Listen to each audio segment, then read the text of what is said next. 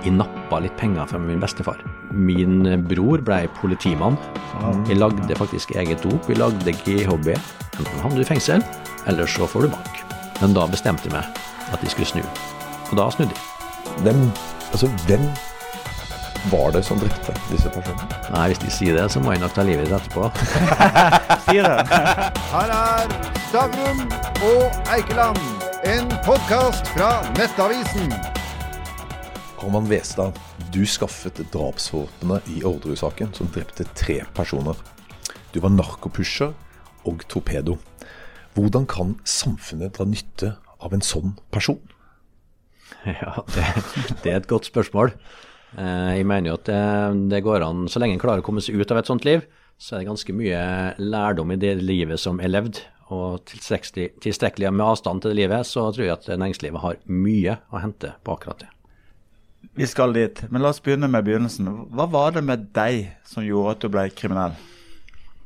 Ja, det er ikke så lett å svare på helt sånn eh, med ei setning, men, men eh, for jeg hadde en helt fin barndom. Vokste opp med to foreldre og eh, fire søsken, hvor min bror ble politimann, hvor jeg ble kriminell.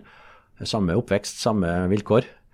Um, han gjorde kanskje mer eh, uh, ting i oppveksten hans som uh, ikke var så bra som enn det jeg gjorde. Um, men jeg tror at uh, jeg klarte å Eller jeg, jeg flytta til min bestefar i en alder av 13 år fordi at jeg var, jeg var veldig interessert i å sparke fotball.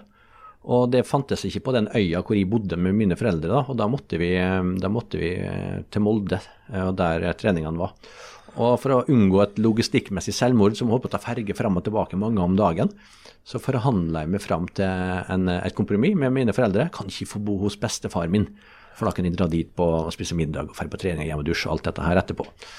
Så, og da forsvant jo jeg litt av, ut av mine foreldres uh, synsfelt, da, og var hos min bestefar, egentlig. Og Hvordan begynte da den kriminelle karrieren?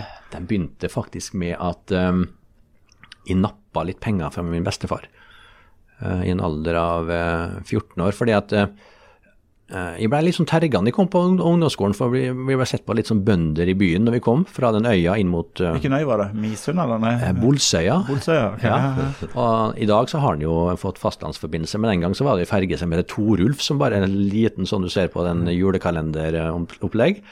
eh, og, eh, og da jeg fikk bo hos bestefar min, eh, så klarte jeg ved hjelp av pengene som han ga meg, å få med venner. Og så Det var egentlig kjøpte venner, vil jeg si. da. Um, så alle de som tidligere ikke ville være sammen med meg, de, kom nå. da, Og jeg fikk være med dem hjem og fikk sparke fotball sammen med dem. Og jeg kjente liksom på hvor godt det var å bli tatt vare på. da. Og jeg skjønte ikke på det tidspunktet at det var pengene som var liksom tilgangen til å bli sett og hørt, men det var det jo da. Og når jeg ikke hadde nok penger til å opprettholde den livsstilen i en alder av 14 år, så begynte jeg å ta penger fra min bestefar. Og det, det er et skamfullt øyeblikk, da, for da, da trådte jeg over ei grense, egentlig. Og jeg ble jo aldri tatt, egentlig. Jeg ble aldri korrigert for det.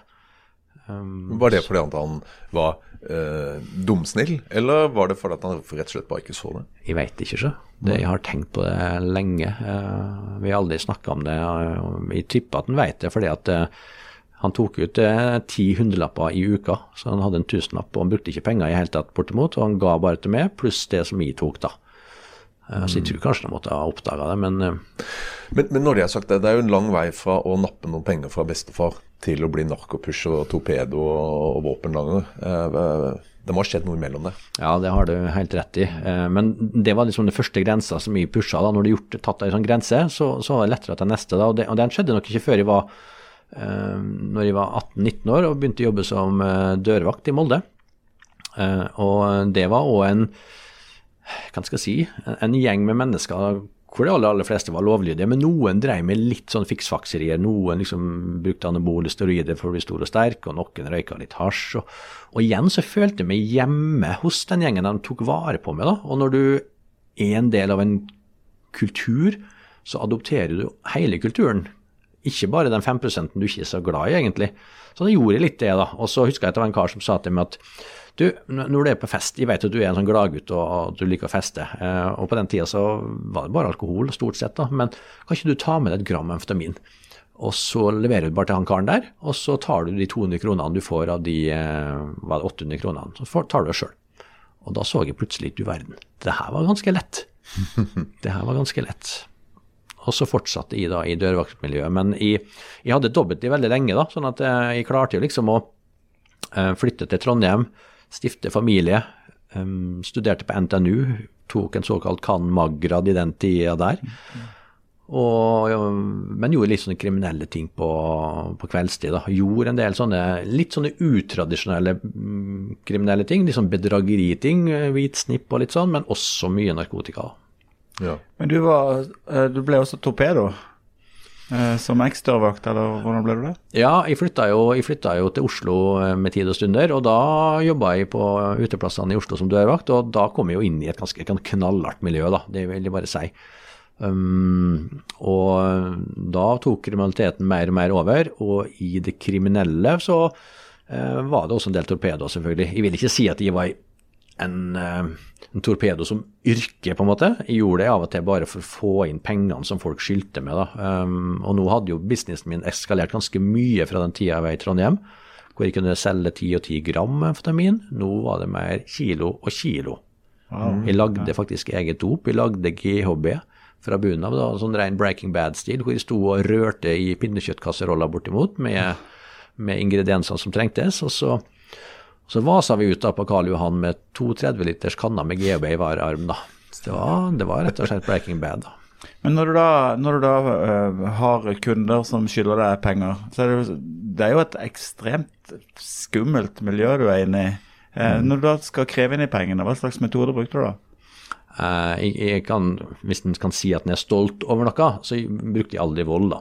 Um, jeg tålte egentlig ikke blod heller, så det var en sånn dårlig kombinasjon av å jobbe som torpedo og ikke tåle blod. Men, eh, men jeg var flink til å snakke. Og så hadde jeg selvfølgelig folk i bakkant som var, var røffere med neven enn det jeg var, hvis det ikke gikk bra. Men det gikk stort sett bra, altså. Det gjorde det. Vi ble liksom enige om kompromisser noe med den som skyldte penger, og ja, så det, det gikk bra. Og så må vi til det mest spektakulære øyeblikket, i hvert fall der du ble, ble kjent. Eh, du leverte eh, våpnene til eh, Lars Grønnerød i forbindelse med, med ordredrapene. Hvordan i all verden kom du dit? Ja, det, var ikke, det er ikke helt rett. Jeg leverte våpnene til Kristin. Riktig. Mm. Um, for um, ja, hun, Kristin var jo en del av, eh, av det utvida miljøet. Når du er en sånn, du lever i en sånn verden som der, så kjenner du veldig mye folk. Du kjenner flere hundre mennesker, får du på fest hele tida, du møter nye folk, og du blir med folk på en ny fest. og så vi sover jo aldri, så du, så du klart at da rekker du over mange flere fester og mange flere folk å bli kjent med. og Sånn sett så var det jo en ja, en stor, kan jeg si, hyggelig storfamilie som gjorde selvfølgelig mye rart eh, og, og ulovlig, men det var også gode tider inni der. da, Og jeg møtte jo hun, eh, hun sammen med Lars i den, i den forbindelse. da, Og hun hadde en del kvaliteter og, og sånn som vi satte pris på. Jeg husker jeg likte henne ganske godt. For du hadde jo et forhold til henne, var det ikke? Ja, vi, vi var ingen som spurte på en måte er vi sammen nå, eller eh, skal vi være kjærester. Det var ikke noe sånt. Men, eh, Nei, men du, du var veldig tett på henne, du var Ja. intim med henne. Så det, Ja. ergo så hadde du jo mer, altså, nærmere kontakt med henne enn veldig veldig mange andre. Ja, Jeg, kan, jeg, jeg prøvde å tenke litt tilbake på Hadde jeg blitt irritert hvis hun liksom var sammen med andre òg i perioden? Nei, egentlig ikke. Men jeg var ganske tett med henne en, en periode, ja. Det var jeg. Ja. Og, og fikk aldri eh, Altså hvem, altså hvem var det som drepte disse personene? Nei, der, Vi får det spørsmålet ganske ofte, da, og jeg er ganske glad for å kunne fortelle til de, til de folkene som spør, at, eh, at det tror jeg politiet har gjort en god jobb med å vurdere. Og jeg er ganske glad jeg slipper opp å vurdere det her hele tida. Men hva tror du? Nei, hvis de sier det, så må jeg nok ta livet ditt etterpå. Si det. Ja, takk for den! Nei, men la, oss, la oss gå tilbake til det konkrete. Fordi at du, eh, du ble bedt om å skaffe til veie våpenet, så vidt jeg husker. Eh, og så eh, Hva skjedde rent fysisk med disse våpnene? Nei, jeg hadde På det tidspunktet så visste jo ikke noe om eh, hva det her skulle brukes til, sånn at eh, jeg fikk jo egentlig bare et spørsmål kan du skaffe noe våpen, og for meg så var det her like hverdagslig som å gå i butikken og kjøpe sjokomelk, på en måte, for det var en del av det vi holdt på med. Og da tok jeg en telefon til Molde, der jeg visste at de hadde gode kontakter på det her, og da eh, fikk vi tak i eh, seks stykk rugere, som er da en eh, 22 mm, tru. Og vi reiste fra ja, Gardermoen, ja, selvfølgelig, eh, i og Kristin på et eh, kveldsfly opp der eh, rett før jul. Og eh, fikk tak i eh, Jeg møtte de karene som vi hadde gjort avtale med, og fikk overlevert de to truer som vi fikk, da. eh, Og overleverte til henne. Og, og hun reiste tilbake igjen til eh, Oslo dagen etterpå. Eh, hun skulle feire jul med sønnen sin og litt sånn, så, og jeg skulle hjem på min eh, families eh, eh, ja, bopel på Bolsøya da, og feire jul der.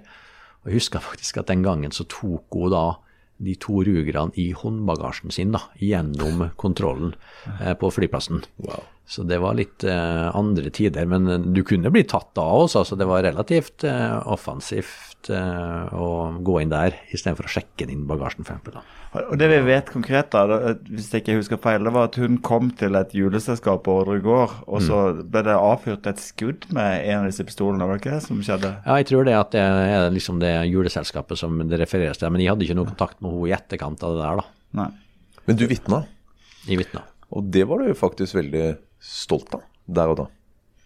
At jeg var det? Ja, Ja, jeg var jo for så vidt det. Det var jo Jeg skjønte jo ganske kjapt at jeg kom til å bli involvert i, en, i den saken her, da. Jeg hadde jo en tradisjon for at vi snakker ingenting. Altså vi holder kjeft, vi er kriminelle, vi er, det er yrkesstolthet. Uh, og det er vi ganske gode på, i motsetning til mange i det normale liv. De prater mye mer. og, og, Her kommer de på podkast og sånn. ja, det gjør de. Men, uh, men i eh, tenkte jo da at jeg må bli kvitt alt dopet som jeg eide. Jeg hadde jo forskjellige depot rundt omkring i Norge. Jeg hadde ei dekkleilighet i Molde som ikke politiet visste at jeg hadde. Og jeg ble arrestert en natt til torsdag i jazzfestivalen i Molde i 99 eller Nei, det jo, det var i 99. Jeg var pinsa 99, og her var juli 99. Og da ble jeg jo tatt til avhør, og da var det blitt en annen type altså Da merka jeg at politiet var helt annerledes um, i sin fremferd da, mot meg, for nå var jeg involvert i noe ganske forferdelig. Men jeg klarer ennå å ta meg sjøl i å være forundra hvor lite jeg brydde meg om at mine våpen var brukt til å ta, mennesker tre, ta livet av tre mennesker. Altså, jeg tenkte først og fremst bli kvitt dopet, og så tenkte jeg ok, hva kan jeg gjøre for å bruke denne saken her til å styrke meg i de kriminelle miljøene. For jeg begynte å bli litt sånn slurvete, for jeg begynte å bruke mer og mer dop, og ble tatt oftere og oftere av politiet. Og tenkte at ok, jeg kan kanskje bruke det her til å eh, bli eh, ja, skaffe meg et omdømme igjen, da. Så det, ble, det virka, det var en sånn stor eh, PR-kampanje, egentlig. Altså omdømme som kriminell. Omdømme som kriminell, ja. Sånn PR-kampanje i det kriminelle miljøet. Eh, Når du beskriver hvor tungt du var inne i den kriminelle verden, eh, så er det interessant. Hva var vendepunktet? Ja, det var nok eh, Det var nok rett og slett at de møtte en politimann som eh, Det var når jeg var på, egentlig på mitt laveste. Jeg var omtrent død på det tidspunktet der, for da hadde jeg Jeg var 70 kilo og omtrent gjennomsiktig, altså tynn. Eh, Og da ble jeg arrestert av en politimann, og det som var nytt her, da, det var at en politimann satte seg ned og prata med meg og brydde seg om meg og spurte om er det noe jeg kan gjøre for å hjelpe deg, blant annet, spurte han om. Og så spurte han om er du sikker på at det her trenger å være sånn som dette er nå? Og, kan vi ta en prat en dag seinere? Og du må huske på at jeg hata jo politiet. Altså Det var det verste jeg visste, i hvert fall etter de mange gangene jeg er blitt arrestert uten grunn. Så opparbeider du et ganske sånn høyt aggresjonsnivå mot politiet. Men han traff meg så inderlig, da. Og den samtalen den varte bare ti minutter, og han, han fengsla jo meg og sånn, det var ikke noe tvil om det. og Men han kom og besøkte meg også dagen etterpå på cella, sånn som han lovte. Han holdt det han lovte, og det var utrolig viktig i forhold til hvordan jeg så på resten av hjelpeapparatet seinere. Fordi at når jeg møtte andre mennesker som hadde eh, som hjalp meg, da, så hadde de den med meg i bagasjen at det, de kan hende at de bryr seg om meg. Og da møtte jeg en fengselsinspektør i Molde fengsel som utfordra meg på at du liker å hjelpe mennesker, du, sa hun. Fordi at vi ser at du skriver søknader på vegne av alle innsatte i Molde fengsel. Jeg nekta jo selvfølgelig på det, jeg, innrømte jo ingenting var vant til det. Vi ser at du er god å skrive, men du er ikke så god at ikke vi ser at du bruker samme ord og samme vendinger. Og, hun hadde jo rett, selvfølgelig. Så. Og kanskje du skal bli sosionom, da, sa hun. Og da tente jeg på alle pluggene. Så mener du at de skal bli en sosionom? Eh, alle de som ikke har skjønt det puck av hvordan det livet jeg har levd, og hvordan det er, og hvordan det kommer seg ut. Men så gikk vi stille i gatene i Molde i to minutter. Det var eneste plassen hun fikk noe fornuftig ut av meg utafor fengselet. For i fengselet så hadde de bare mine Skulle ta på vare på omdømmet mitt. Og så sa jeg til henne jeg skal bli sosionom, og jeg skal bli verdens beste sosionom, sa jeg.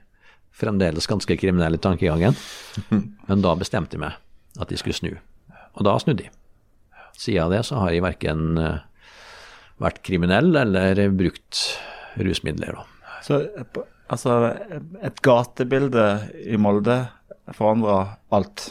Ja, det gjorde egentlig det. Og så jobba du uh, Så etter hvert uh, så fikk du jobb i Nav, og har jobba i Nav. Men og du holder foredrag. Og et sentralt poeng du har, det er at, at næringslivet bør ikke ansette kriminelle bare for å være snille. Kriminelle har faktisk en spesialkompetanse. ja, nå satte du selvfølgelig på spissen, da, men det, det skal vi jo gjøre. da, og, og, litt av greia med det her er jo at når jeg fikk jobb i Nav. Altså det var, det var, ikke hugget i stein at jeg skulle få jobb. Når jeg søkte på jobben som gjeldsrådgiver i Nav, så hadde jeg, var jeg akkurat ferdig sosionom. Jeg hadde to millioner i gjeld sjøl jeg søkte på jobben som gjeldsrådgiver. sant? Det er fremdeles så ganske bold å tenke at du skal få den. Men jeg hadde jo bestemt meg da for at jeg skulle hjelpe mennesker som kom på Nav med økonomiske problemer, og bruke min egen historie i det menneskemøtet. Dette var litt sånn som Luksusfellen? Etter andre. Ja, det er det egentlig. Litt, litt sånn som Luksusfellen, da. Bare at de slipper å komme på TV. ja, det er sant. Og så, så, var jeg på det jobbintervjuet. Jeg skal fortelle dere at det var diskusjoner på ansettelsesrådet på Nav Melhus, da der jeg da var på jobbintervju, om de skulle ansette meg. Kan du ikke bare ansette nummer tre og fire og nummer 99 på lista? Tenk hvis han Orderud pistolmannen, som du tar et Google-søk, så ramler det ut masse artikler. At han, Tenk hvis han får et tilbakeslag inne her. Men Kari, vet du, hun som var Nav-leder, hun spurte meg to ting, hun. Og det var hva har du lært av det livet du har levd? Og hvordan kan det du har lært, hjelpe oss i Nav med å løse vårt samfunnsoppdrag? Og da kom jeg på framsida. Da ble jeg offensiv. Istedenfor å gjemme alle hullene mine og være flau over dem, så fikk vi fram en god samtale om hva jeg faktisk har gjort. Og jeg ble jo i Nav i 15 år, da. Kanskje den mest Kanskje nå var nesten, det hørtes ut som jeg er bold kriminell igjen, men jeg var veldig lojal da, og var i Nav i 15 år. Og, og um, utvikla mange nye ting i Nav som uh, egentlig handler om at jeg ønska å gjøre Kari fornøyd. For hun ga meg en sjanse. sant? Jeg ville vise at hun satsa på riktig hest. Så når vi kommer til det jeg snakker om nå, så er det jo nettopp dette her da, at, at folk som har en annerledes bakgrunn, ikke bare ekskriminelle, men andre som har hull i CV-en, de har en dimensjon som vi ikke ser godt nok enda. Og ekskriminelle er jo bare min tilnærming til det. Og hvis du skal snakke fra min side, så var jeg veldig god på å vurdere mennesker. Jeg var god på å, for jeg måtte manuelt vurdere hver eneste situasjon for pga. rusen til folk. Så visste du ikke at det var ikke noe stabile med personlighetstrekk hos Petter som du møtte. Du måtte alltid vurdere den. Og det gjorde at du ble ganske god på å vurdere det her manuelt. Og så var det jo, Jeg har sittet i utallige Kripos-avhør. Altså, jeg veit hvordan Kripos tenker for å få ut et eller annet. men eh, så Derfor gjør det at du blir ganske god på dette, forstå hva det er folk vil ha. Hva er det de vil ha ut av meg, hva trenger de nå? Uh, og jeg er god på å holde kjeft, av naturlige grunner. Det er ingen gossip som kommer ut fra meg. Um, og jeg har også jobba under ganske stressfulle situasjoner. Jeg har jobba dag og natt. Jeg går hjem klokka fire. Mange som har levd i min situasjon, de er gode på å vurdere risiko. Hadde ikke vært for narkotikaen, så, så hadde de vært knallgode på å vurdere risiko. For sanksjonene er mye større enn den arbeidsgiver noen gang kan gi. Enten havner du i fengsel, eller så får du bank. Så du har mange sånne trekk da, eh, som jeg syns det er viktig å kunne eh, trekke fram, som næringslivet faktisk trenger. Og så er det dette med lojalitet, takknemlighet, eh, tillit. I et arbeidsmarked nå hvor folk skifter jobb annethvert år, og hvor folk overbyr hverandre med lønninger for å få folk over til andre bedrifter, så det å ha en arbeidstaker som er lojal, ekstremt viktig. Mm. Men nå uh, livnærer du deg bl.a. som foredragsholder. Um, hva er det, du, det viktigste budskapet ditt når du snakker med næringslivsledere eller uh, andre? Nei, det er jo dette her da, med å tørre å ta en sjanse på noen som ikke har samme bakgrunn som de aller fleste. Det er rett og slett å se på rekrutteringspolitikken sin. Eh, for det er ikke sikkert den rekrutteringspolitikken de har i dag, er det som skal til for å hente fram det beste i folk som har hull i CV-en. da. Eh, det er jo ikke alle kriminelle. altså Det er jo en risiko du løper med å ansette eh, en kriminell også, for alle er jo ikke like, som du sier. Og noen er jo mer altså Det er psykiatrien i bildet. altså det er, Så ja, det er vel ikke håp for alle her. Eh, nei, det er ikke sikkert det går like bra for alle. og, det, en, en, trenger ikke liksom å bli en foredragsholder og en prosjekter i Nav for å ha et vellykket og godt liv. Men alle, og, og noen kan jobbe på et Eh, på et lager, noen kan jobbe eh, som eh, leder. altså Jeg tror at det er veldig variert også i forhold til hva ekskriminelle kan jobbe som. Men jeg ønsker også å utvide sonen til at det, det, her handler ikke bare om at du skal jobbe med en jobb som er ufaglært. Mange av dem kan faktisk ganske bli gode, gode faglærte mennesker også. Da. Så jeg tror at det er Jeg tror at folk, næringslivet trenger altså For det er en risiko, som du sier.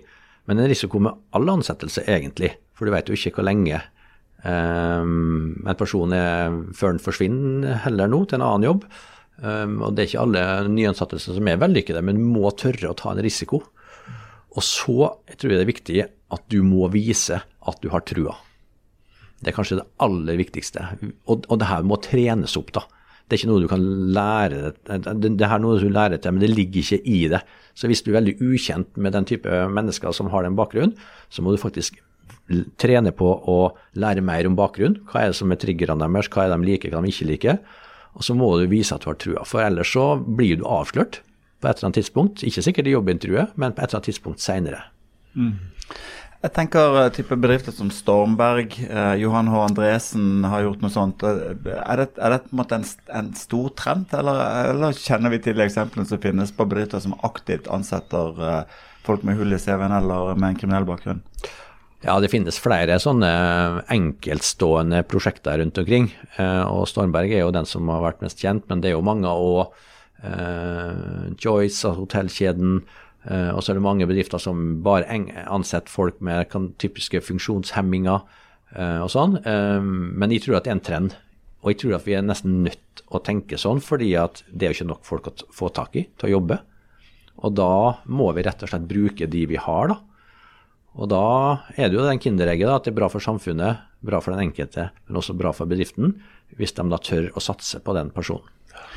Til, til deg personlig, altså, eh, det er liksom relevant å vurdere på en måte, har du gjort opp for deg? Og da tenker jeg eh, Tre stykker døde på Orderud gård. Eh, garantert folk som har dødd av narkotikabruk og sånt i, i kjølvannet av din virksomhet. Eh, hva, hva, tror du ofrene eh, og de etterlevende tenker når de har dette intervjuet? Ja, Det er et godt spørsmål. Jeg har jo um, mange ganger tenkt på dette når jeg sleit med veldig dårlig samvittighet lenge.